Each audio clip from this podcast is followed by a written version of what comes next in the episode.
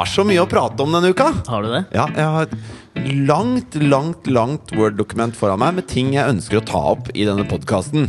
Du er veldig sånn forberedt uh, på en eller annen måte, men jeg har liksom med mobilen min, jeg. Ja, det er bare at jeg- livet mitt er breddfullt av spennende, deilig innhold. La meg da forberede meg ved å ta en strepsils, som Ja. er da hakket hvassere enn de norske repsilsene, for denne tror jeg har opium i seg. Ja, men jeg, jeg, jeg, Få se på den boksen her. Ja. Jeg tar to, jeg. Al Alex er litt syk. Ja. Jeg er syk. ja, men jeg er det. Ja, du er syk. Men hva er det du ville se på? Det Nei, altså her står det at uh, det er sånn repsils med honey and lemon. Og honning og uh, lemon Sitron er jo veldig veldig bra for når man har vondt i halsen. Men dette her koster jo ti ganger så mye som honning og sitron. Du kan jo kjøpe honning og sitron, gå rett til kilden, ta problemet der det eksisterer. Ja, du har rett i det, men jeg var i London, og det er alltid sånn når man reiser utenlands, så har de alltid heftigere medisiner. Og så kjøpte jeg meg også de der pillene som har koffein, paracetamol og alle ting som man ikke får i Norge. Man føler liksom at det, medisinen er bedre i utlandet. Nei, Jeg føler det. Jeg føler at denne Pottit-Norges uh, Hank von Helvete-inspirerte patentfaenskap ikke lar oss få de beste medisinene. Hvorfor ser folk i England mye sjukere ut enn oss da? Jeg vet ikke, For det og gjør de. tjukkere, tjukkere og sjukere. Det er vel en fedmeepidemi gående, i hvert fall i Irland. Jeg kan ikke komme på, jeg kan ikke komme på jobben. Jeg har blitt tjukk. Jeg har blitt for tjukk. Jeg har blitt tjukk. Shit. Jeg har, blitt, eh, jeg har blitt lagt på meg veldig mye i så sympatilagt på meg i graviditetsperioden til Mari. Ja. Og det eh, liksom uh, ga Er det, seg er det et reelt er, er det noe som skjer? For meg har det skjedd, og da er det virkelig. Ja, men Er det noe som mange menn går igjennom? For jeg vet jo sånn at hvis har Hvis kjæresten din har vondt, eksempel, så kan du få sånn, eh, sånn der, nesten sånn fantomvondt, Ja. du også. Ja, nei, det har jeg ikke. Og det er jo litt sånn at menn også kan utvikle eh, melkeproduksjon i brystene under, eh, når dama er gravid. Ja, Det, har har vi vel snakket om før at Arve Juritzen ønsket å gjøre det når han adopterte barn. Så ønsket han å amme det Nei, han hadde sånn surrogatbarn, han. Ja, surrogat, ja. Så ønsket han å ta eh, østrogen, sånn at han skulle utvikle melkeproduksjon i ratterne. Ja. Sånn at eh, barnet kunne patte på han. Men dette for meg ga seg jo da utslag i går, da vi var på julebord og 25-årsjubileum for TV Norge. Og jeg hadde litt dårlig tid, eh, for jeg skulle innom Barnas Hus og kjøpe en Voxy-pose først. Og da For de, for de som er under eh, 40, da, så må du nesten forklare hva en voksepose er. Jeg har egentlig ikke helt skjønt det sjøl, men det er en slags sovepose barnet skal ligge i eh, barnevognen eller i barnesetet. Og da måtte jeg jo kjøpe to. Hva er det du ikke har skjønt med det? Det var en veldig tydelig beskrivelse av hva det er. Ja, det er Alle barn ligger jo i en sånn sovepose Det er den. om vinteren. Skjønte jeg. Ja, Forberedt. smart. Da, skulle vi da, så da hadde jeg litt dårlig tid til å finne fram dressen da vi skulle på julebordet. Og jeg fikk jo Jeg fikk ikke kneppa den igjen. Fikk ikke kneppa igjen jakka. Jeg bruker størrelse 46 i dress. Det er liksom min dressstørrelse. Ja. Det er ganske lite. Ja. Eh, den, gikk, den gikk ikke igjen. Den gikk ikke igjen. Den gikk ikke igjen. Uten slips kom det, da. Ja, faen, ja, det var kanskje Jeg, jeg unnskyldte meg, unnskyldte meg med at shit, jeg fant ikke slipset. Men oh, det var fordi jeg så meg i speilet og så tenkte jeg sånn Hei, hippe dude. det var det. Men det var fint at Og du så feiga du ut på Fordi at det, hvis du skal være en hip dude og, og gjøre et statement at du kommer uten slips, Ja. så må du jo ikke si «Å, 'nei, søren, jeg glemte slips', jeg, og jeg får ikke den dressen, jeg er blitt for tjukk. Det er ikke noe hipt over det. Nei, jeg vet det. Det er ingen som Men jeg er ærlig, og det blir jo enda hippere. Gjør det det? Ja, det gjør det. Bare spør Hank von Helvete. Ok, ja, han er jævlig ærlig, ass. Men du, det var det jeg kom til å tenke på, for i går så skulle vi egentlig sette oss ned og spille inn podkast, men av ymse årsaker så fikk vi ikke gjort det. Nei. Så nå sitter vi da her i dag, fredag, hvor den skal komme ut. Og i går så hadde jeg da notert meg en ting på mobilen. Som jeg liksom beit meg merke i går. Så tenkte jeg skulle ta opp i går, for da var det liksom på sin plass. Men jeg tenker jeg kan fortsatt ta det opp i dag. Ja, ja, ja. Og la meg bare si La meg først hashtagge det jeg sier nå, med no homo. Men eh, Hva er hva, Hvor skal du nå? Nå syk. Hvor skal du nå? Nei, skal, du, skal, du skal ha for at eh, du ser rimelig bra ut om dagen. Altså. Jeg har ikke lagt merke til det før, men i går så må jeg bare krype til korset og si. Fordi at for meg har du vært av Ikke aseksualisert, liksom, men du har vært avseksualisert. Skjønner du? Ja, du, du er aseksuell for meg. Ja, men det har du vært for meg. Av og avseksuell. Okay. Men i går så Hva? Var det når Så- du kom løpende inn fra do og skulle notere noe? Ja. Hva faen hadde du gjort ute på do der? Hva er greia? Syns du det jeg var så vakkert vakker at du måtte ja, gå Ja, fordi da jeg tenkte på det i går, da vi var på satt på kontoret, her, Så tenkte jeg på, fordi Da hadde du på deg en sånn eh, litt fresh jean og denimbukse, og så hadde du på deg en veldig sånn kul T-skjorte. fordi en, en, en bukse heter jeans Ja, fordi den har to bein. Ja, par bukser, Ja. ikke sant. Okay. Så jeg hadde et fett par bukser på meg. ja, hadde et fett par bukser og sånn kul T-skjorte, liksom. Så var, hadde du liksom beholdt litt av den tannen, og så hadde du litt kul sveis. Og så tenkte jeg sånn, shit, jeg har aldri tenkt på det før. Nå skjønner jeg liksom hva greia med Og så skulle vi dra på dette julebordet, og så hadde du smelt på deg en skikkelig fresh sånn der sløyfe som var Dritfresh! Nei, Nå ble jeg flau. Fint å lage 15 episoder på VGTV med hvor jeg driter meg ut. Da blir jeg ikke så flau. Men dette ble jeg flau av. Nå er jeg flau. Pust. Jeg står 100 inne for det. Kjekk fyr, ass. Tilbake til julebord. Ja. Du, apropos, jeg må ta første julebordet først. da Fordi at eh, Jobben til Katrine hadde jo julebord eh, for en uke siden. ja. Og da hadde kjæresten kjærestene Der jobber jo bare jenter. De driver med mote-PR og musikk-PR. Diskriminerende. Litt diskriminerende. Nja, altså, de, de er vel best på det, da. Ja, Jentene. jenter, ja. Ja. Ja, jeg skjønner. Men Ja. jeg syns det er greit at eh, kvinner og menn er forskjellige. Og på akkurat det de driver med, så er sikkert de best. ja. Til det. La oss si det. Flott, det. Eh, uansett, så var da alle kjærestene Nesten alle har kjærester, så alle kjærestene skulle inn og underholde på dette julebordet. Da kan jeg bare Jeg stykker opp historien med spørsmål som jeg sikkert også tenker at lytterne vil lure på. da Så jeg er på en måte en slags er djevelens advokat. program, programleders jobb, egentlig. Å stille de spørsmålene som lytterne lurer på. For det jeg tenker da er Dere kommer inn, hvor mange gutter Hvor mange er som jobber på denne jobben? Eh, de var vel ni-ti stykker. Ni-ti stykker. Hvor mange mange av de stykker er det som har kjærester? Seks. Ikke sant? Er det da litt kjipt for de tre andre, når dere kommer som kjærester? At Jeg- de ikke har kjærestene sine der? Jeg tror noen av dem hadde tenkt på det, og tenkt at ja, det er jo kjipt, for da blir det ikke oss jentene og det julebordet. Men det var, det var bare kjipt når de tenkte på det. Fordi at alle ble veldig glad når vi kom. Så det var kanskje kjipt å tenke sånn Å, jeg håper ikke det skjer. Nei, men, det er litt sånn som at du er bare kjekk når jeg tenker på at du er det. Det kan vi legge det til side der? At jeg liksom er kjekk. Fy faen. Ok, ja. Å. Så, så dere drar dit. Vi drar dit, og, så, og så er det en overraskelse, da. Ikke sant? For det er de to i arrangementskomiteen som har planlagt dette her. Eh, og, så, og så skal vi liksom Da har vi øvd inn eh, White Christmas eh, flerstemt. Bing Crosby, eller? Ja, Bing Crosby. Eller Nat King Cole, husker aldri. Eh, Alle har sunget den. Altså Hvis du setter på en hvilken som helst juleplate, fra Kurt Nilsen til Nat King Cole, så synger alle alle de samme sangene. De gjør det. Eh, Chestnuts ro Nei, hvilken var det dere hadde lært dere? I'm dreaming of a white! Christmas Ja, men du hadde fin stemme der. Og så, og så er det sånn der, litt sånn barbershop, ikke sant? Sånn at tre begynner sånn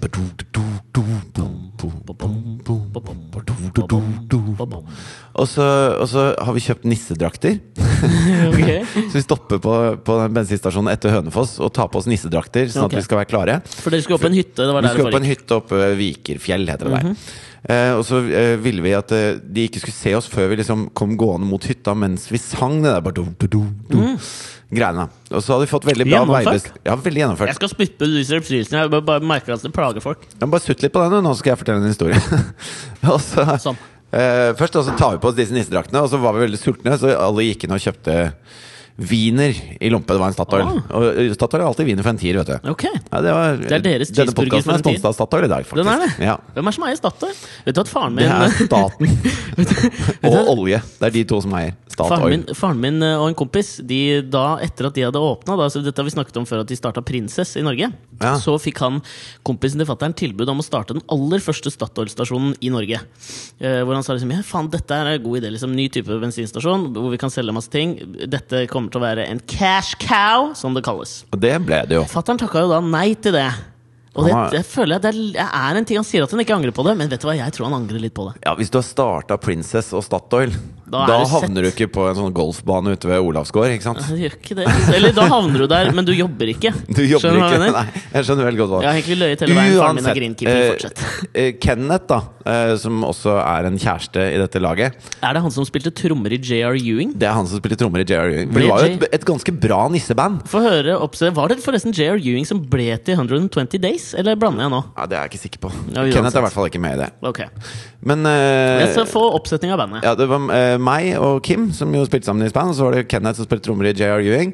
Var Kim spilte bass i Span. ja, og så var det Øystein som eh, spilte bass og sang i et band som het eh, Eller han sang vel sånn 50-50-sang okay. i et band som het Just a Fling. Just a fling. Just a Fling. Okay. Eh, og så var det da eh, Dag og Joakim som eh, henholdsvis er kokk og eh, noe annet jeg ikke husker.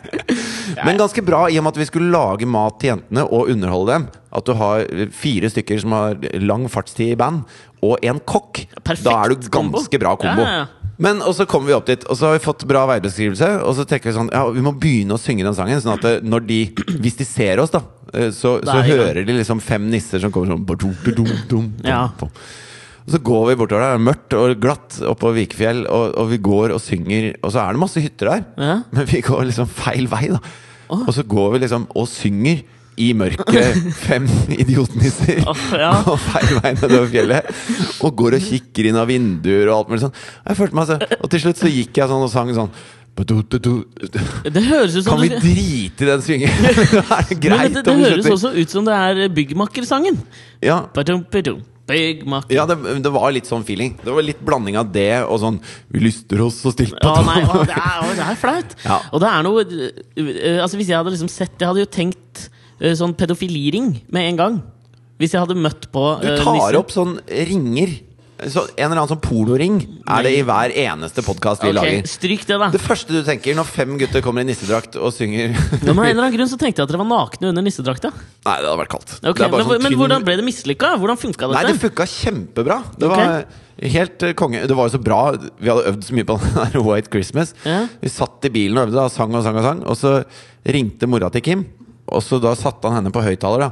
Og så sang vi for henne, og hun syntes det var helt strålende. Ah. Og så syntes vi det var litt gøy med publikum. Altså Jeg ringte mamma, og Øystein ringte moren sin. Okay. Og så uh, tok mamma telefonen, og så sang vi for, så sang vi for henne også. Okay. Hun syntes det var helt strålende. Eh, men mens vi sang da, så kjørte Øystein bilen, og så ringte mora hans samtidig som han kjørte bilen, og sang for moren min. Så vi holdt på Det hadde vært en veldig dum bilulykke med liksom fem nisser i en bil. ja Som har kjørt av veien med, med alle mødrene sine på høyttalertelefon. som får høre på at sønnene dør. Eller noe. Med akkompagnert av Nat King Cole eller Ja. Bing Crosby. I'm dreaming of a white veldig dum måte å gå på.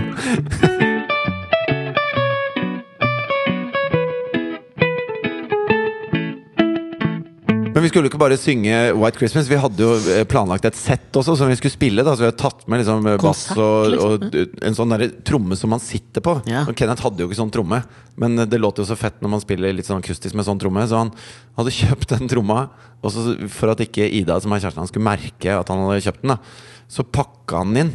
Og så skrev han til Kenneth fra jobben. og så kom han hjem ja, og liksom genial pakka den opp og bare Å, så kul den var! Ja, det var det kjempekul. kjempegod Ja, idé. dritbra. Ja. Skal jeg faen meg gjøre neste gang jeg har lyst på et eller annet? Skal jeg bare kjøpe til meg selv pakke det inn? Si at du kan si Ja. det fra meg. Ja, Da får jo du skylda, da, hvis det er et eller annet som Katrine Katrine ikke vil ikke ha. på. Ja. Jeg ikke si at det er fra meg, forresten. Nei. Men ja, ok, dere dro opp dit, hadde et sett. Ja, og da på, vi skulle blant, altså spilte vi sånn her Du vet sånn Sånn I'm Yours og Your Jason Body Is A Wonderland og oh, ja. Ikke sant? Litt sånn derre Hey There Sweetheart, sånne ja, sanger, da. Og så skulle vi avslutte med, med Blurred Lines, Oi! hvor jeg skulle ta rappen, da. Nei! Skulle du rappe TI sitt vers? T.I. sitt TI vers. som nylig ble pågrepet fordi han hadde 500 håndvåpen hjemme, tror jeg. Ja, det, det skjønner du når du leser teksten. Det er som at okay. jeg sitter i bilen og øver da på den jævla rappen. Nei. Eh, med headset, ikke sant? Fordi at jeg hadde glemt å lære meg den. Så alle de andre satt og holdt på å le seg eh, da, da Du blir ikke hvitere enn det når du sitter i nissedrakt og øver på TI sin rap med headset. Men kan jeg få Altså, jeg veit at jeg kommer til å angre på at jeg spør om dette her. Men få en, bare ta liksom et par bars, som det heter. Blurred lines. Men det er, det er ting i dette her som jeg ikke kan si. Det, det låter feil Jeg når jeg si sier det. det. Er det hose, eller Ja, I'll give you something big enough to Nei, tear nei, nei, your ass in two. Du må sånn. rappe det sånn som du gjorde. Men det, fordi det som er liksom greia med de greiene der, da når man skal gjøre noe som er sånn flaut, tenker jeg da Ja. Så må du, Hvis du er sånn halvveis inni det, så blir det flauere. Hvis du gir alt, så blir det jo liksom bare Ja, Bare okay. ikke du sier at jeg er pen etterpå, for da blir er det en perfekt storm. for deg. ikke, jeg lover ikke å gjøre det. Men jeg kommer til å stoppe deg, tror jeg. Ja, okay. jeg òg. Ja, har du forresten hørt at den er en jævla rip-off? Den låta er en Marvin Gaye-låta. Ja, alt er rip-off om dagen. ja, men det er Skal vi ha en, Ja, en, en beat, rett, da, eller? Ja, Skal jeg ha en beat? Hvordan er den? Boom, boom, boom tjuk, tjuk, tjuk, boom, boom, boom, tjuk, tjuk, tjuk, boom. One thing I ask of you. Let me, be the one you back that ass to. From Malibu to Paris Boo. Det går ikke an å si from Malibu to Paris Paris Boo. Boo. Bare fordi det skal rime med I had a bitch and she had bad as you. Ja, men kan, Jeg kan være sånn der, Han som sier de siste orda. Du vet han sidekicken? Ja, Jeg ja. tror jeg kan liksom litt rappen. Begynn på nytt, da. Kom igjen, nå. Det. En, to, tre, to. One thing I ask of you, let me be the one you back that ass into. From Malibu to Paris Boo. Had a bitch, she ain't bad as you. So hit me up when you pass through. I'll give you something big enough to take your ass into. Sweat. Ah, fuck, det Nei, det der syns jeg var ganske bra. Jeg ble ikke flau, jeg. Å, jeg ble flau. Send oss mail hvis dere ble flau av det. Eh, Så ranger det på en slags sånn hvithetsrappskala. Nei, Faen, du kan ikke, jeg kan ikke stå der og si Not many women can refuse this pimpin. I'm a nice guy, but if you get with me, you'll salute this pimpin. Altså, det, det funker ikke. Altså, yeah, I beg to differ. Slik jeg så deg i går, så kan du stå og si akkurat det der. Apropos hiphop og rap, så så jeg at han Dr. Dre skal lansere en sånn eh, konkurrent til Spotify nå, eh, som han kaller Beats. Og så Ok. Jeg synes det er sånn der symptomatisk. Sånn som, jeg føler at liksom alt som skjer med rappere, er liksom Det skjer litt sånn Den teksten der ble skrevet litt sånn histen om pisten. Paris Ja, Boo, ikke sant? piss. ikke sant? Også, det eneste han snakker om, er at han har stor pikk, og at han Ja. kan behandle damer. Men det er det jeg føler litt også, Dr. Dre er vel den som tjener mest penger i hele musikkverdenen, tror jeg. Det kan hende at dette er feil. I hele musikkverden. Jeg tror av nålevende da, Du tjener jo veldig mye mer med en gang du dør. Som Er ikke det. Stargate som tjener mest penger? Ja, det kan godt være. Jeg vet ikke. Men jeg tror jeg, jeg mener jeg leste det. Okay. Men da leste jeg også måten For han skapte jo disse her Beats by Dr. Dre. Disse høyttaler... eh, kan vi kalle det? Høyttalersystem, eller? Ja, headset Ja, og sånn. headset og høyttalere. Ja. Uh, og det her føler jeg er sånn symptomatisk på hvordan rappere opererer både med å skrive låter og liksom businessen de gjør. Han, hadde, han, skulle egentlig, han hadde fått beskjed av managementet sitt om å lage sneakers. Så han gikk på stranda tror jeg, ute i LA og og tenkte på faen skal jeg lage det, hvordan skal jeg gjøre det? Og så kommer sjefen for plateselskapet som han jobber med, da ned på stranda, og så går de liksom og prater, og så sier han You're not gonna make sneakers, man. You're gonna make speakers. og da ble det beats, liksom. Og det var sånn han la- kom på ideen. Og det syns jeg det er så det er, så, det er så tilfeldig. Jeg føler at De har ikke sånn, de har ikke en businessplan, liksom. Ja, for det er ikke sånn at de har øvd på noe, og så er det sånn Nå er jeg bra på det, nå lager jeg det. De bare sånn i, i, Åh, jeg hater når folk ikke er bra på ting. Sa han som akkurat hadde prøvd å Jeg har rappe. rappa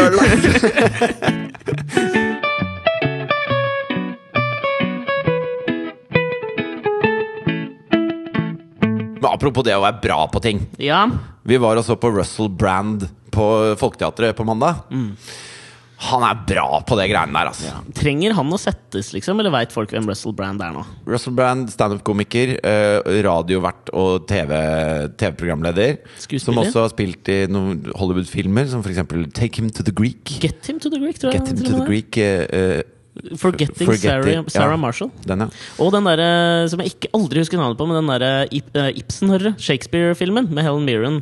Og han som spiller sjokolade. Folkens, gå inn og se på YouTube. Det er en sånn Ja, improvisasjonsgreie som Russell Brand gjør over sin karakter som en slags jester i den filmen, som er helt fantastisk. Men da merka jeg veldig Altså Når han kommer på scenen, Ja. så han kler seg jo som en, en transe, omtrent. Ja. En blanding av tram, transe og, og pirat. Og tramse, tror jeg Tramse, mener. ja. Tramsepirat. Ja, han er, ja. Det, ja, det er Keith Richards møter Jack Sparrow, møter Dame Edna, møter Iggy Pop. Ok, det er akkurat det der. Det han sa. Men han har en sånn persona, sånn at det, med en gang du ser han, så tenker du 'dette blir fett', liksom. Ja, jeg vet det. Og, og da kan han egentlig si hva han vil, og alt funker. Og, og så eh, så jeg noen andre greier med han. Og, og da sa han at når han, første gang han var i USA, var når han uh, hosta MTV Music Awards. Ja. VMA Awards, som VMA. gikk helt eh, forferdelig dårlig. Fordi at ingen visste hvem han var. Så når han kom ut i det kostymet, da så var det bare teit. ja, og da hadde han jo også Før hadde han jo veldig sånn høyt hår. Han tok Ja. håret liksom, sånn- Det så veldig elektrisk ut. Han så enda mer sånn parodisk ut. Han så jævlig dust ut. Og så åpner han da Så har han skrevet Han skal liksom være edgy komiker. Mm. Så han har skrevet en åpning som han tenker dette er edgy, dette er fint. Og han sier at uh, det er deilig å være i USA, og her er dere så sinnssykt tolerante og åpne mot mennesker. Eh, dere er faktisk så tolerante at dere har latt en tilbakestående cowboy være president. ja, a retarded cowboy in the White House. Ja. Og da er jo 51% av USA hater deg allerede. Og så sier han, eh, der jeg kommer fra, altså i England, så hadde vi ikke stolt på han til å håndtere en saks engang. og, og, det, og så ser han bare at det er helt stille i salen. Ja. Og så skjønner han at han bare kan kaste det manuset han har skrevet. Ja, han winga jo resten av den uh, utdelingen. Ja, og det det- var, var ikke den samme utdelingen hvor også Bob Geldof fikk en slags ærespris.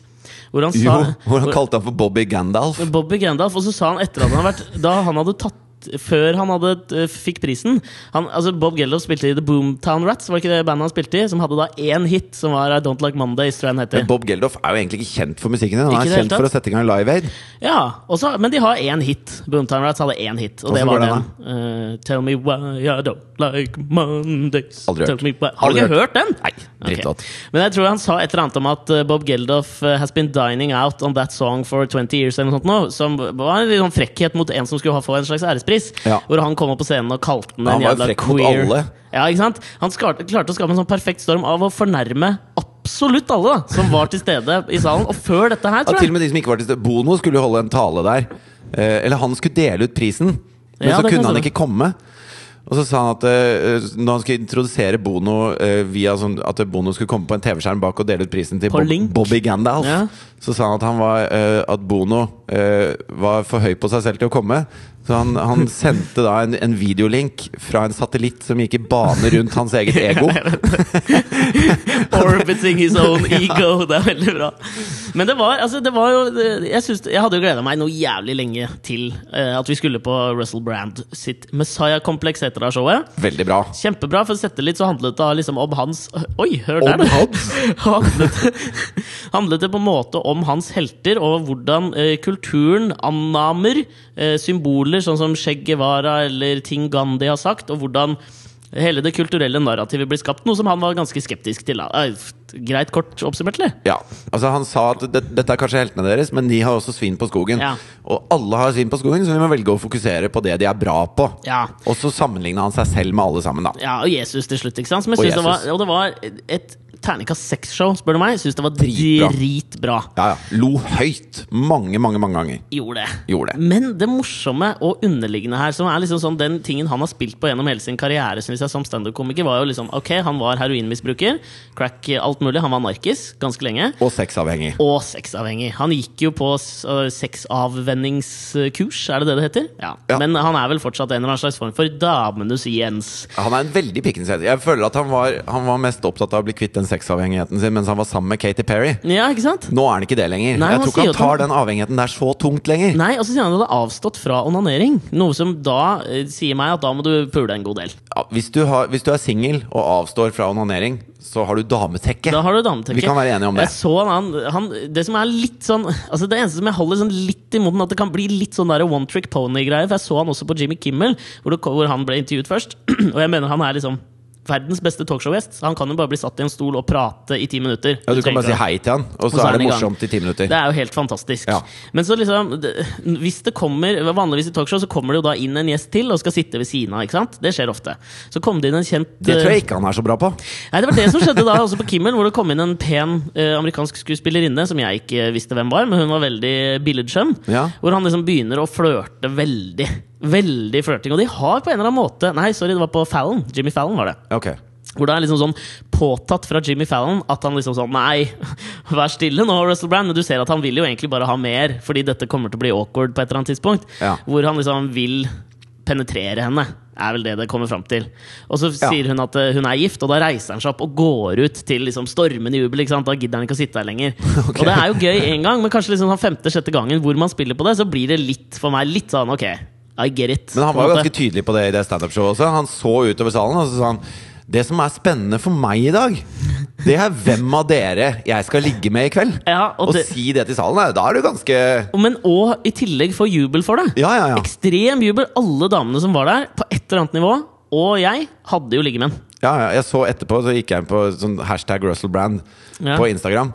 Og da var det flere som hadde en sånn hashtag som heter 'fuck me already'. Jeg kødder, eller? Nei, folk er så klare for den piraten der at det Men er helt da skal eh, jeg fortelle deg en liten ting som du ikke la merke til på slutten der. Fordi okay. vi eh, kjente jo en del som var på showet, det var mange vi kjente, så vi ble stående litt sånn utenfor, rett utafor inngangen eh, til selve salen da Ja. vi forlot eh, showet, fordi det var så jævlig lang kø for å hente jakker og sånn. Når jeg sto og prata med Alexander og Fung. Ja. Ja. Pung Hang. Fung. Fung, ja. Fung hang. Eh, Kjent fra Popstars. Tic Tac, Goes the Clock Again, Beating in my head like a big drum. Ja, men uh, bandet deres heter vel Cape? Ja, det het Cape, ja. Det var den første Idol på en måte i Norge. det Ja, det var det. Det var der Kjetil Tefke også ble kjent, var det ikke det? Jo. Og Alfie. Og Det Alfie. er flaut å kunne så mye om akkurat Popstars. Vi, vi spilte på en scene som eh, Cape skulle spille på en gang. Ok Uh, og da hadde jeg booka Skulle spille på en sånn ekstremsportarrangement. Fins det andre ekstremsportarrangement enn Ekstremsportvekko i Voss? Ja, det gjør det. Dette var til sånn, et eller annet sånn snowboard-greie. Jeg husker ikke hva det var. i Moss? Det? Nei, det var, det var i Oslo sentrum, da. Okay. Og så eh, pakker vi bilen. Jeg har booka det, og det er et sånn gratisjobb. Det er bare promo, liksom. Okay. Med span. Og så kommer vi til Youngstorget, og da står det en svær scene der. Og vi kommer med lydmann og, og rigger opp og gjør klart og gjennomfører lydprøve på Youngstorget med hjelp av en sånn vaktmester da, som skaffer strøm til scenen og sånn. Ja. Og så når jeg kommer av scenen etter endt lydprøve, så ser jeg på telefonen min, så er det sånn 30 ubesvarte anrop fra han arrangøren. da Okay. For da skulle vi spille på Jernbanetorget. Og Cape skulle spille på Youngstorget, hvor vi hadde rigga oss opp og gjort lyd Men det var ingen som passa på den scenen. Jeg skjønner ikke det. Men- at de kan la oss gjennomføre en lydprøve. Uansett, Men- jeg sto og prata med Fung. Hva var det som skjedde? Ja, Det som skjedde, da var at vi står der, du står og prater litt med Pong. Ja. Og så står jeg og prater med et par kompiser, og så prikker de meg liksom på ryggen. For stå, eh, de to jentene som satt rett foran oss, De står liksom rett bak oss. Og der er på en måte inngangen til backstage-døra. Ja. Og så åpner den døra seg sånn sakte, og så stikker en eller annen sånn road manager-hue ut. Ja.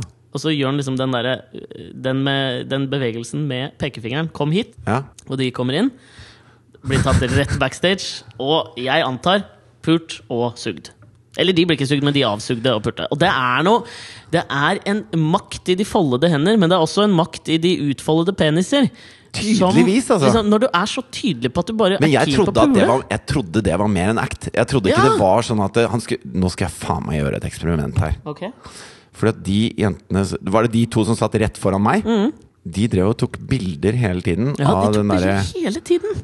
Ja, Nå skal jeg søke på Russell Brand, og så se på Her er de. Nei, er det det?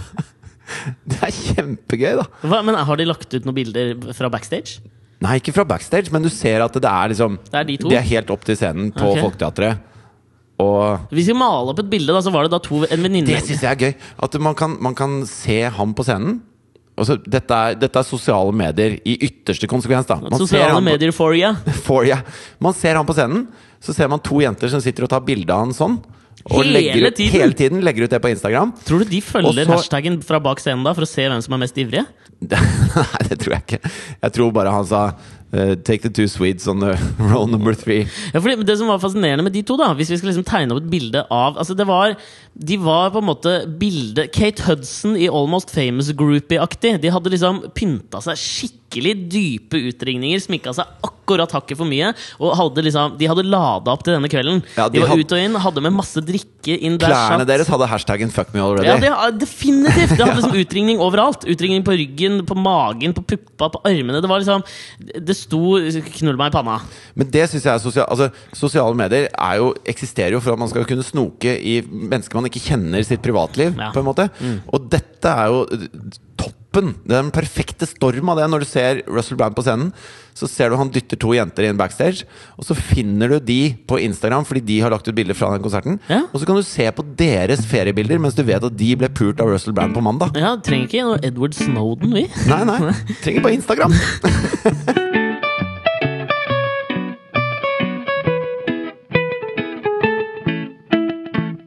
Men jeg er ikke helt ferdig med dette at Russell Brand tok med seg de to jentene inn backstage. For at det er greit nok å stå på scenen og være cocky og si at eh, Jeg ja, pule. jeg lurer på hvem av dere jeg skal pule i dag. Ja. Og, så ler alle, og alle tar det som Jeg tok det som en spøk, da. Og jent, noen jenter tenkte sikkert at å, kanskje jeg Ja, blir kanskje heldig i dag. meg, ja. Ja. Men de fleste tror jeg tar det som en spøk. For når du står på scenen, så har du tross alt en scene, og du har lys, og du har mikrofon, og alt mulig sånn. Det er lett å talk the talk fra scenen. Og walk the walk. Ja, Men må, da må du walk the walk. Det er det han gjorde etterpå. på en måte Ja, men når du La oss si at dette gikk hele veien, da. Så han endte på en sofa oppe i syvende etasje på Folketeatret, hvor det er ganske ukoselig. Vi har vært backstage der. Cream pie style. Ja, Cream Pie Style på en sofa der. Og så- for å Altså, du mister litt av magien Ja, det det. når du er naken. Og, og bare jeg, jeg skjønner ikke at du klarer å holde på den par Det er som Husker du jeg fortalte den historien av, som eh, Jørgen, kompisen min, sa? At det er veldig vanskelig å trøste noen når du er naken og har ståpikk. Ja, ja, ja. Ja, litt samme greia. Det er veldig vanskelig å være uoppnåelig kjendis når du er naken og har ståpikk. Ja, ja Tror jeg. Og, eh, men litt sånn føler jeg også det er sånn Den sexakten som foregår der, er en sånn øh, beina Nei, buksa, buksene rundt anklene-sexakt. Skjønner du? Det er liksom bare get it over with, uh, tømme meg-greie. Ja, jeg vet ikke, Han sa jo fra scenen da at dama kommer alltid først når han har sex med noen. Ja, men faen, hvem Det sier jo jeg òg. He's the second coming Ja, of det er Christ. morsomt, da. Ja. Men det som jeg skulle bare liksom litt videre på For, at for meg så har jo dette vært en litt sånn um, En uke fylt av konsumering av litt sånn lett populærkultur. Og så nevnte du magi her òg, altså Jeg er så klein at jeg skjelver på hånda når jeg drikker. ja, Er du veldig klein? Jeg er ganske klein, altså. Men det er jo litt det, der, med- det er det jeg gruer meg mest til det med barn. ikke sant? Det er at Hvis man tar seg en sånn kveld Du blei jo litt lenger enn meg i går på dette julebordet. Ja, ja. Og man må jo opp, for du måtte Ja. jo følge noen jenter til skolen. Jeg fulgte til skolen klokka Jeg sto opp sju i dag, jeg. Hjemme halv fire. Ja, vet du hva ja, Nei, la, jeg utsetter det. La oss utsette det til det blir nærmere pappa. Men det er verdt det. Det kommer små gullkorn hele tiden. Sånn som i forgårs, når jeg henta Thea på skolen, så gikk vi over uh, Olav Ryes plass, og så er det sånn Elixia-stand. da En fyr som skal selge abonnementer, så står det null kroner koster det å være medlem i Elixia. Det er bare løgn. Men han har grønne ballonger, og da måtte Thea bort til han da og spørre hvor mye ballongene kosta, for hun trodde han solgte ballonger. ja. Og så sier han nei, disse ballongene må jeg ha. Sånn, jeg selger treningsabonnement. Ja, hva koster det, da? «Eh, nei, det, du må være 15 år okay. for å få abonnement her. Og så kommer det bare, uten å tenke seg om, fra henne. Jeg er 15 år, jeg er bare kortvokst. Og jeg bare Hvor kom det fra, liksom? Det er bra levert, ass. Ja, det er, det er faen meg Det er Russell Brand over den. Ja, det er jeg.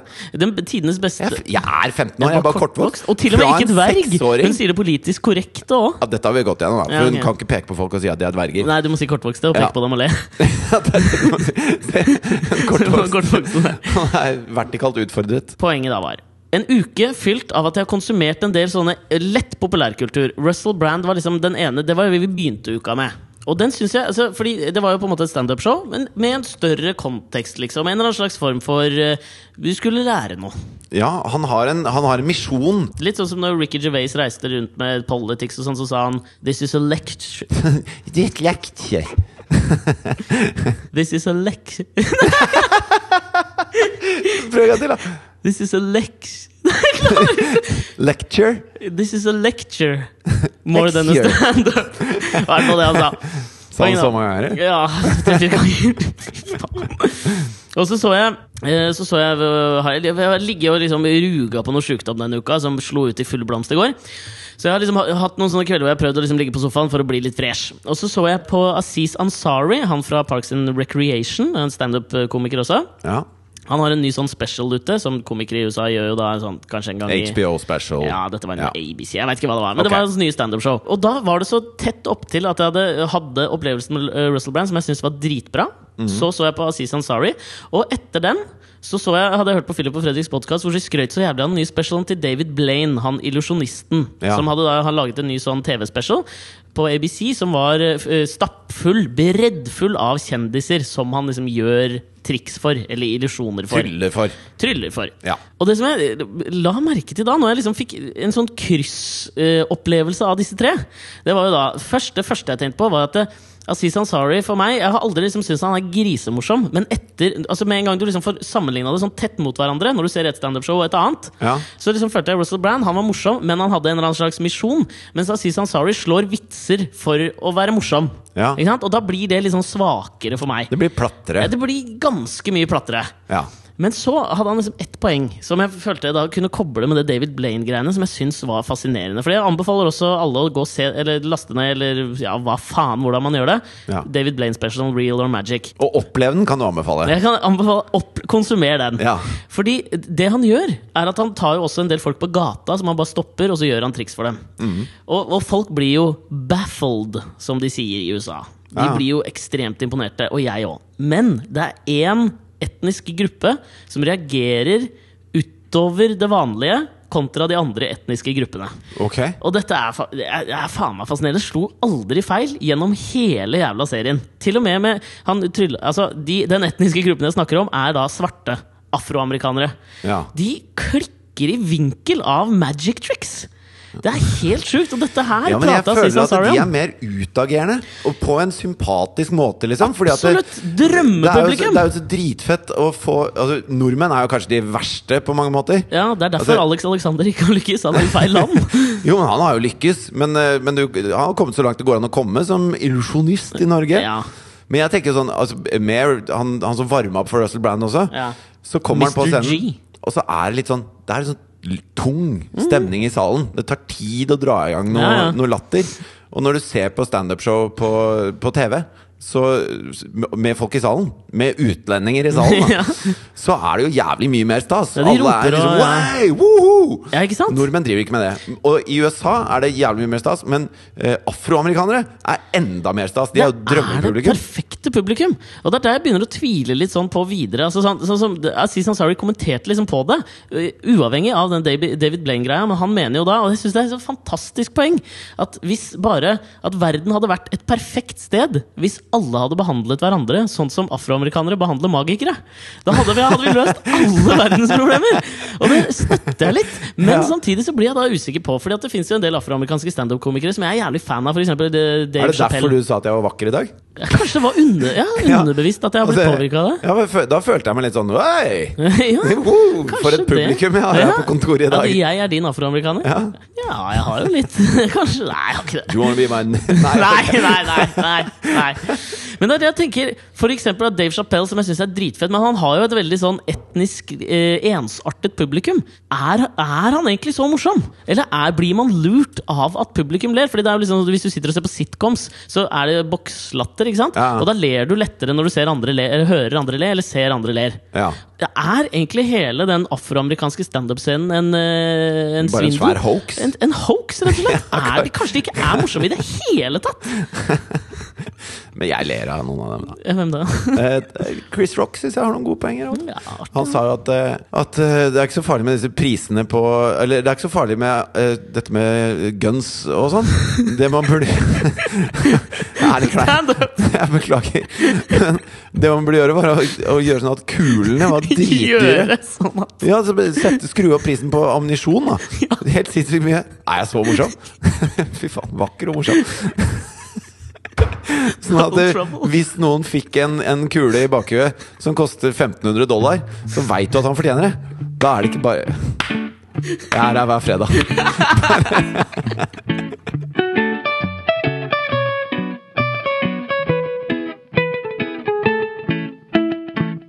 Jeg har kommet til det punktet i livet hvor jeg faen ikke bryr meg lenger om jeg har rørleggersprekk. Har du, er det et punkt du har skrevet ned som du har lyst til å ta opp i dag? Ja. Og jeg skal kontekstualisere det litt òg, skjønner du. Ja. Fordi jeg anerkjente Du putta jo et appelsinskall i rørleggersprekken min når jeg satt og jobba her om dagen. Ja. Du, du Da har brydde jeg meg veldig om det. Ja, men du har veldig ofte rørleggersprekk. Har jeg det? Ja, og det sier jeg da. Da går jeg tilbake til å se på deg på den av aseksualiserte måten. Ja, det håper jeg da inderlig. Men jeg føler det Jeg håper ikke det appelsinskallet var en metafor for noe. ikke i det hele tatt. Ok. Poenget da er at eh, Vi har prata litt om det der før med liksom eldre mennesker når de begynner bare å gi faen i hva folk rundt dem syns. Mm. Og jeg tror det er det første steget har jeg anerkjent nå, på veien til det.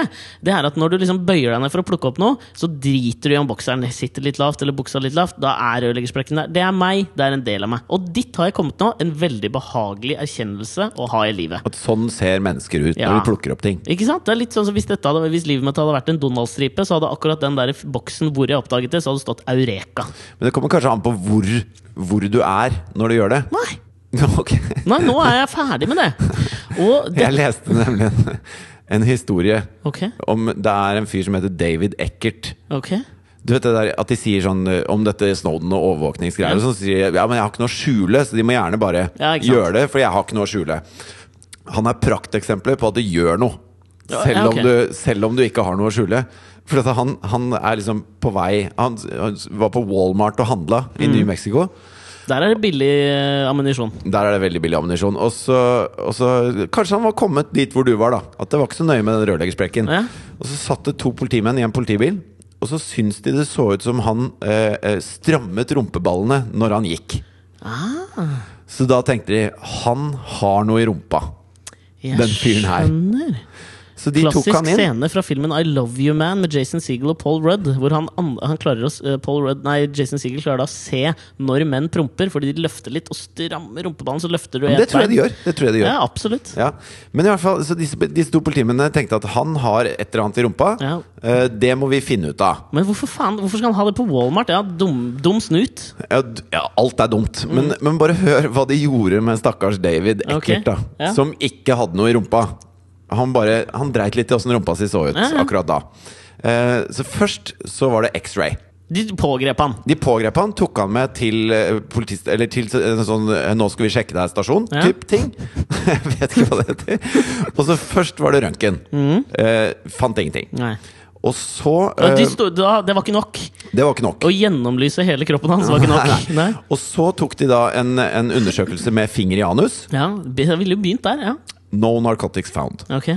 Og så gjorde de det med fingrene en gang til. Hæ? For å sjekke Ok ordentlig, da. En annen fyr, da, eller? Sikkert en lengre finger, da. Ja, men det er litt sånn som Hvis du og jeg hender? skulle gjort det, ikke sant? så ville jeg begynt, og så kan du komme ut Ja. for å gå extra Det cavity. det må være lenger inn. Ja, ikke sant? Ja, ok. Det var, da, da er det altså røntgen, finger, finger. Ja. Og så gir de han klyster. Og så må han drite foran disse politimennene. Fordi at de tror at det har sklidd så langt opp at da kommer det ut. Ikke noe ble funnet. Så gir de han klyster en gang til. Fortsatt ikke noe ble funnet. Og så eh, eh, gir de han klyster en gang til. Tre klysterer. Tre klyster, hvor alle ganger må han drite ut det klysteret mens alle står og ser på det som kommer ut av rumpa hans. Okay. Så eh, tar de røntgen en gang til, og så bedøver de han og gjør klar for surgery. Og så gjorde de da en sånn kolonoskopi, hvor Ja, ja. de tar et sånt kamera inn i rumpa hans og videre inn i de store tarmene. Fortsatt ingenting. Explorative surgery, tror jeg det kalles. Ja. Og så sier de det er greit, du kan gå. Men dette her lukter jo altså Vi har prata litt om det der før, at i USA så kan du saksøke for alt. Her, det lukter noe søksmål dette her, ass. Han saksøker så det tyter etter, og han har alt sitt på tørre. Og han bør få så mye penger Han bør få så mye penger at han, at han kan leie folk til å gå med dop i rumpa for han. Ja, og i hvert fall så han har råd til sånn der rund pute som du kan sitte på etterpå, for det er Ja, ganske sånn sårt. Ja, det tror jeg. Men, ja, men poenget var at grunnen til at jeg kom til å tenke på det, var noe som skjedde i går. Apropos hemoroider, jeg hadde en kompis som jeg trente mye sammen med. Plutselig Jarle Bernhoft, la oss kalle han. Alltid Jarle. Og plutselig så ble han aldri med å trene mer. Nei, det, jeg ser jo det på Jarle. Blitt litt chubby, si. og så var det sånn Han kunne aldri, da. Nei. Det funka ikke, liksom. Og så Opptatt med å eh, turnere med tja, tja, tja. Et år senere så fikk jeg vite at han hadde fått hemoroider. Ja. Og han var redd for at han hadde fått det av at han gjør sånn Ja, men det når du er, løfter vekter. At han hadde løfta på seg hemoroider. jo, men faen, det er ikke så far-fetched tanke, fordi som gravid så har jeg låst, Nå driver jeg og leser boken 'Unnfangelse og svangerskap', Ja. og der står det også at eh, du kan jo bli veldig tett i magen når du er gravid. Altså at det er vanskelig å Defekere. Takk. Ja. uh, og du skal spise litt kiwi, og det er ganske mange ting. Men du må passe på at du ikke sitter og presser for mye. For når du sitter på do og presser, det er da hemoroidene oppstår. Ja, Dette må man egentlig fortelle til barn, for hvem som helst kan få hemoroider hvis de presser for mye. Og det kan jo være Det fordi- sa ikke mine foreldre til meg. Nei, ikke meg heller. Jeg har aldri Nei. hatt hemoroider. Var litt nervøs eh, her for et par uker siden, men det var bare en liten kvise. Helt sant. Eller en veldig stor kvise. Åh. Poenget Hvis du har en veldig stor kvise i ræva, så må du bry deg om du er rørlegger eller ikke. ass Ja, men Den var såpass langt ned at altså, det er jo ikke halve ræva som stikker ut. Okay. Nei, det er bare litt. Poenget var I Ja. går opplevde vi noe hvor jeg da eh, på en måte kunne eh, eh, overføre tanken min om at jeg hadde slutta å bry meg om rørlegger, til en annen som jeg følte hadde kommet til det punktet i livet hvor han ikke brydde seg så mye om hvordan andre oppfatta han. Ok Dette er en- Hvem er det du snakker om, ja, det er et minefelt å tråkke ut i dette her. Okay. Fordi det er personen uh, i dette henseende betaler oss penger for å gjøre vår jobb. Han Tenker er du på sjefen for det eh, framadstormende TV-selskapet TV Norge, SBS Discovery? Ja, ta humor på alvor. Ja. Kongene av humor, okay. TV Norge, Harald Ja. Strømme. Harald Strømme. For hvis du kommer da opp til Grand Hotell, hvor det er fest Mm. det er, Alle er stivpyntet og flotte, og så skal man stå liksom Unntatt deg, da, for du fikk ikke tappa igjen den der dressen du har kjøpt på HM. Nei, men jeg så jo fin ut for det, gjør jeg ikke det? Jo da. Takk. Hadde ikke rørlegger. Helt til du fikk den parykken Ja. på deg, så så du fin ut. Fy faen, det var også, vet du. Og du så ut som uh, Karius med skjegg. Ja, men Ja, ja men uansett, da. Poenget var at vi sto først og mingla litt, for da skal man få man litt champagne, så kan man stå og prate litt med de som er der.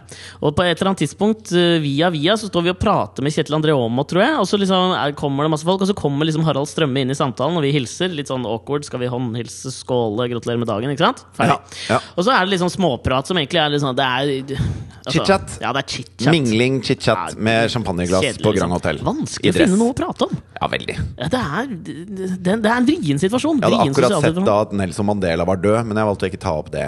Ja, det er ikke, ikke chit-chat-materiale. Ikke chit-chat. Det er litt sånn Ja, hva driver dere med nå? Ja, nei, vi gjør det Vi jobber for deg. Ja, Du burde vite hva vi driver med. ja ikke sant? Ja. Men det som skjer da, er at han stiller et spørsmål. Jeg husker ikke helt hva det var. Og midt i ditt svar, midt i Og du har liksom, der bygger du opp en historie som jeg husker også. Jeg tenkte sånn, det, Nå leverer du chit-chat-messig, liksom. Dette er en bra story. Og midt i historien så bare snur han sakte ryggen til deg. Ja. Og du, du må jo liksom fortsette Skal jeg fortsette å prate? Jeg Altså, følte så- meg så liten. ja, Det var helt ekstremt! Men der føler jeg altså, der, han har jo nådd det punktet I don't care. Altså, han David. Eckert fikk i hvert fall oppmerksomhet. Jeg har mer lyst til å drite mens alle ser på, enn å bli snudd ryggen til mens jeg drikker champagne og forteller en god historie. Det er den hardeste brush-offen jeg noensinne har sett i hele mitt liv. Ja, Det er derfor jeg elsker dere som sitter og hører på dette her. Åh. Det er så deilig at dere ikke bare snur eh, beats fra Dr. Dre-headsettene deres motsatt vei når jeg prater. Jeg, jeg elsker dere. Jeg òg.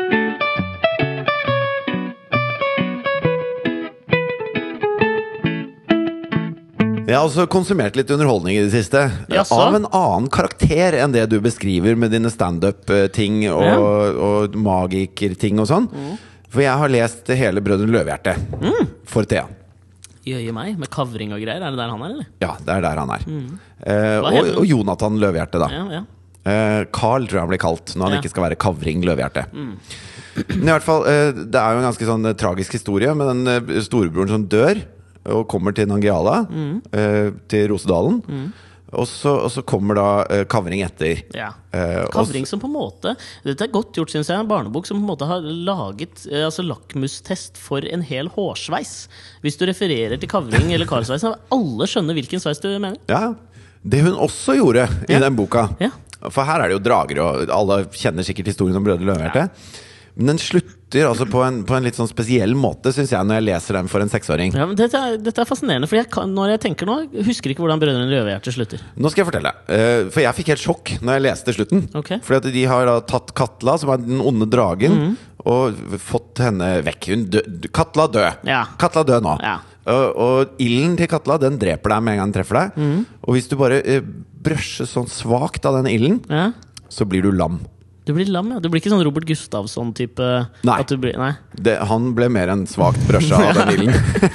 I hvert fall så, Og det tar litt tid før lammelsen inntreffer, da. Og fra den inntreffer, så er du lam resten av livet. Det er sånn fabeldyret Katla-dragen fungerer. Så etter at de, Katla er død, eh, sammen med Karm, som også er død, disse Ja. to fabeldyrene, så setter eh, Jonathan og Kavring seg ned på en gresslette. Og så sier Jonathan at eh, nå, er jeg, nå kommer jeg til å bli lam. Jeg kjenner det begynner nå, okay. men nå er jeg faktisk lam. Her, eh, Kavring. Herr her Kavring, jeg er lam! Det var sånn det sto. Nå er jeg faktisk lam, herr Kavring. Og dette syns herr Kavring er veldig, veldig trist. Og så sier Jonathan at det er ikke noe, det er ikke noe stress, det her. For når vi dør i Nangiala, så kommer vi til Nangelima. Ja. Eh, som er den nye Bolivia. Hva sa du, her, Kavring? Ja, Hvis du drar på indisk restaurant i hovedstaden i Lima. I, jeg skal gjerne ha et navn i Lima. Ok, det var ikke morsomt. Det trekker jeg tilbake at jeg sa. Fra protokollen. Men i hvert fall så, nå ble jeg så forteller da Jonathan at eh, når man dør i Nangiala, så kommer man til Nangelima. Ja, herr Kavring? Her kan og, det, og der er alt enda bedre, da. Ja.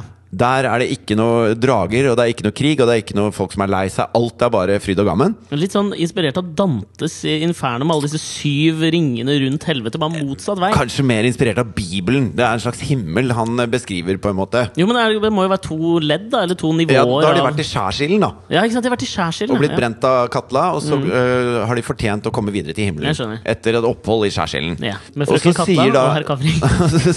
Som jeg syns fortsatt er gøy. Mr. Jonathan sier at, Sør Kavring. at det, Sør Kavring, jeg trenger din hjelp for å Og så komme hadde lord til Jonathan. Jeg skal slutte nå.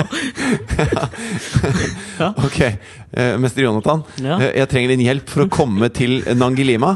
Fordi Dame Katla Fordi jeg klarer ikke å bevege meg lenger, for jeg er blitt lam etter at Dame Katla kom med sin dårlige ånde på Lam meg. fra liv og ned, eller lam fra liksom skuldrene og ned? Nei, egentlig fra halsen og ned, fikk jeg inntrykk av. Det, det er en bok. Jeg var ikke der, liksom. Det er Nå driver Alexander og skaller i mikken. Så det her kan vi gjøre.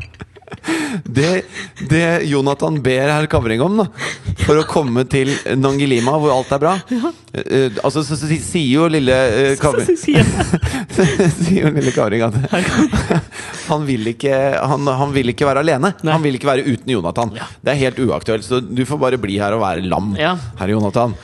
Eh, og, så, og så sier Jonathan at ja, trenger, du trenger ikke å være alene, du kan bli med meg til Nangilima. Ja, hvorfor har ikke herr Kavring fortjent det? Herr Kavring har fortjent det, han også. Alle, okay. alle som har fortjent å og dør i Nangiala, kommer til Nangilima. Ja, okay. Så, så dette går fint. Og, og både eh, Grim og Fjaler, som er hestene deres, har også nå dødd. og Jonathan vet av en eller annen grunn at de er i Nangilima. Da. Ja. Han er veldig sterk i sin tro, Jonathan. Eh, Kavring vet ikke så mye, men Jonathan vet at man kommer til eh, Nangilima. Og gnostikeren og den troende. Ja. Og så sier han så det, det vi gjør, er eh, du tar, du tar meg på ryggen, Mm. lille Herr Kavring. Og så hopper du ut fra den fjellskrenten her, Ja. så vi begge dør. Ja. Og boka avslutter da med et sånt jævla Knutby-selvmord. Hvor han får sin lillebror til å ta livet av seg selv og han for å komme til himmelen. Men du får aldri vite om de kommer til Nangilima. Thea får aldri vite om de kommer til Nangilima. for det sto en sånn der setning under hvor det er sånn Epilog. 'Jeg ser lyset'. Ja, Prikk, prikk, prikk. ikke sant? Og Det var så jævlig kristent at det fortalte jeg ikke henne. Så Hvordan? hun tror jo det kommer en toer til denne boka her. Ordets makt er i den som kan leses eh, hånd. Kavring og grev eh, Jonathans andre eventyr. Kanskje vi skal skrive gjennom lord Kavring og dame, dame Jonathan. Oberst Fjaler og Adjunkt Grim.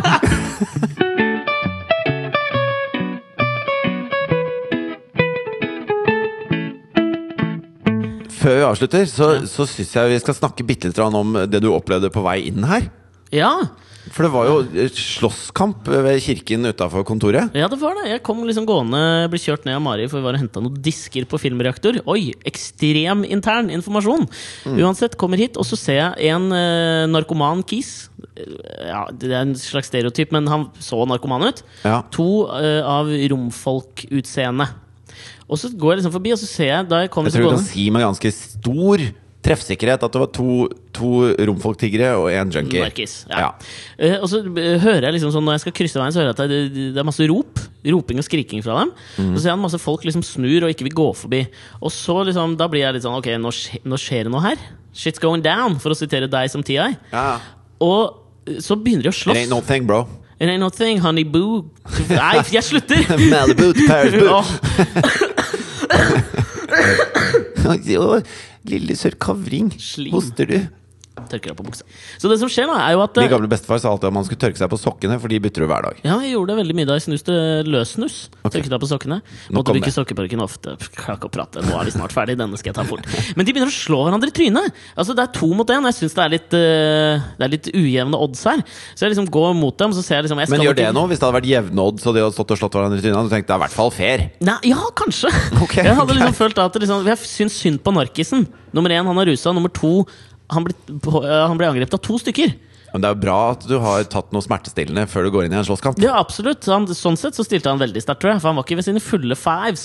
tungt medisinert eh, Ja. Og så Han var jo ikke sånn, han reagerte ikke kjapt. Hvis det kom en, en knyttneve, så var ikke han han som dukka under i en slags Muhammad Ali. Sting like a butterfly, fly like a bee. Fly like a butterfly, sting like a bee, tror jeg det Sånn er det der. Sting like a, han var sting Hvordan- like a butterfly, fly like a slott.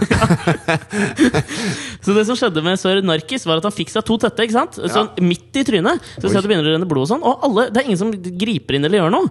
Så jeg tar og ringer til politiet, og de og sier liksom sånn, hva skjer? Og så beskrev jeg alle, og de kom jo ganske raskt, da. Uh, og det frustrerer meg liksom at det er masse Og jeg er ikke en type bygd for å stoppe slåsskamp mellom tre voksne menn. Det, det anerkjenner jeg. Så når jeg Nei. ser fare, så ringer jeg politiet. Staten, statsmakten, får komme, komme og ordne opp i dette her. Men jeg tror du er inne på kjernen av problemet der. Fordi at det, vi i Norge vi øh, fraskriver oss ansvar for ting som ikke direkte angår oss. Ja. Øh, og så tilskriver vi det at øh, vi betaler skatt. Jeg betaler skatt for at noen skal ta seg av dette her. Ja, men da må vi benytte oss av det tilbudet. Hvis det det ligger en junkie og sikler på bakken, så er det ikke mitt problem, for jeg betaler skatten min. Sånn tror jeg det er mange som tenker. Ja, det tror jeg også. Nå tok jeg, jeg føler at jeg tenker jo det, men da tar jeg det et skritt videre for at staten, statsmakten skal få vite om dette, så må du jo få beskjed. Så jeg ringte Jo, men til det er en aktiv handling. Det er i hvert fall å gjøre noe. noe. Ja? Så det, det syns jeg er prisverdig. Det er, er akkurat, det er sikkert det samme grunnen til at uh, vi ikke jubler for uh, magikere, men afroamerikanere gjør det. For vi betaler skatt. Hvis noen andre kan le for oss. Ja, vi har betalt noen for å gjøre dette For for meg. Men det, de kom og ordna opp. Men det, det- jeg mista litt troen på det norske folk da jeg så liksom alle som sto og så på uten å gripe inn eller gjøre noe. Og jeg føler at i dag har jeg gjort min ene gode gjerning. Du fortalte jo om eh, når du tok taxi og, og grep inn og, eh, når han eh, uttalte seg veldig rasistisk ja. og ble kasta ut av den taxien Ja. av denne flagrende rasisten. Yes. Når vi skulle ta taxi ned til julebordet til TV Norge, så var det jo samme taxisjåfør! Å, det var Fikk jeg vite etterpå. Ja, men Jeg turte ikke å si det til deg inne i bilen. Nei. Men jeg fikk jo taxien hjem til meg, og så hadde Mari bestilt den, for jeg var off mobile noen dager. Så han så liksom, så snudde han seg, så jeg, jeg, jeg tror han kjente meg igjen. Mm. For han var liksom sånn Ja, så ja, det er Mari du heter nå. Men han kunne jo ikke hive meg ut uten at jeg hadde sagt noe. Nei. Men, eh, men så kjører vi nedover mot Karl Johan, og så har de jo satt opp masse sånne svære, tunge blomsterpotter i Karl Johan for å lage gågata av det. Mm. Og så sa jeg er det, er det sånn at hele Karl er avsperret nå? Mm. Og så sa han ja, det er for å være sikker på at det ikke kommer en ny sånn terrorbil. Ja, Og så tenker jeg det er fair enough, fair, liksom. plausibelt. Ja. Og så sier han det. «Øh, men hvis det kommer en ny sånn terrorist, så håper jeg han skyter de riktige folka denne gangen. Ja. Og så tolker jeg det som en Altså, det er ikke i mitt vokabulær engang å tenke at han mener uh, svartingene eller muslimene. Nei, men du, du, du det tolker det, det, gikk i gjenklang hos deg når han sier det. Det Ja. er ikke det første du tenker. Det første jeg tenker, er ja, jeg håper han skyter seg selv. Ja, du sa jo det. Ja. Og, Og da ble det helt stille foran der. Og så ble det helt stille, og da var vi heldigvis nesten framme. Ja. Og i den stillheten så satt jeg tenkte Vent nå litt. Det var ikke det han mente. Det det, han kom ikke med en spøk. Og så etterpå, når du forteller at det var han der jævla rasisten, Ja. da kjente jeg at det, jeg skulle grepet inn der også. Ja, jeg vet, men ja, det er jo litt sånn Men det er dritt å bli kasta ut i dress og tversoversløyfe i regnvær på vei til julebord i desember, altså. Æ, Slapp av, du så såpass smashing ut at noen hadde nok plukka deg opp hvis du sto med tommelen ute. De to svenskene som satt foran meg på Russell Brand. De hadde vært der, altså. Ja, de hadde gitt meg haik. Takk, nå må vi gi oss før dette blir eh, av på seksualisert igjen. Ja, vi må gjøre det. Takk for at du hørte på. Send oss mail på alexogfritjof at gmail.com. Like oss på Facebook. Send oss noe Ja, du kan like oss videre. overalt. Ja. Like oss på Instagram, på Facebook, i Grattis med det! ja. Du har jo satt ny Instagram-like-rekord. Den var Nei, jævla morsom. mamma har satt ny Instagram-rekord. Klær. Jeg sa lekord. Gjorde du det? Ja. Ha-ha. Sør kavling. Men jeg synes også det, det, du har fått en liten dipp i det. Folk var så jævlig flinke til å hashtagge måten de konsumerte vår lille, lette populærkulturelle time på. Hvordan de gjorde det på Instagram med hashtaggen Alex og Fridtjof. Det har blitt helt stopp, for jeg følger med. Jeg oppfordrer folk til å gjøre det. Jeg skal gå inn og kommentere, jeg skal like, jeg skal gjøre hva det enn dere ber om. Vi har et bekreftelsesbehov. Enormt! Du skal lete lenge Extreme. etter. Extreme! Ha det! Ha det.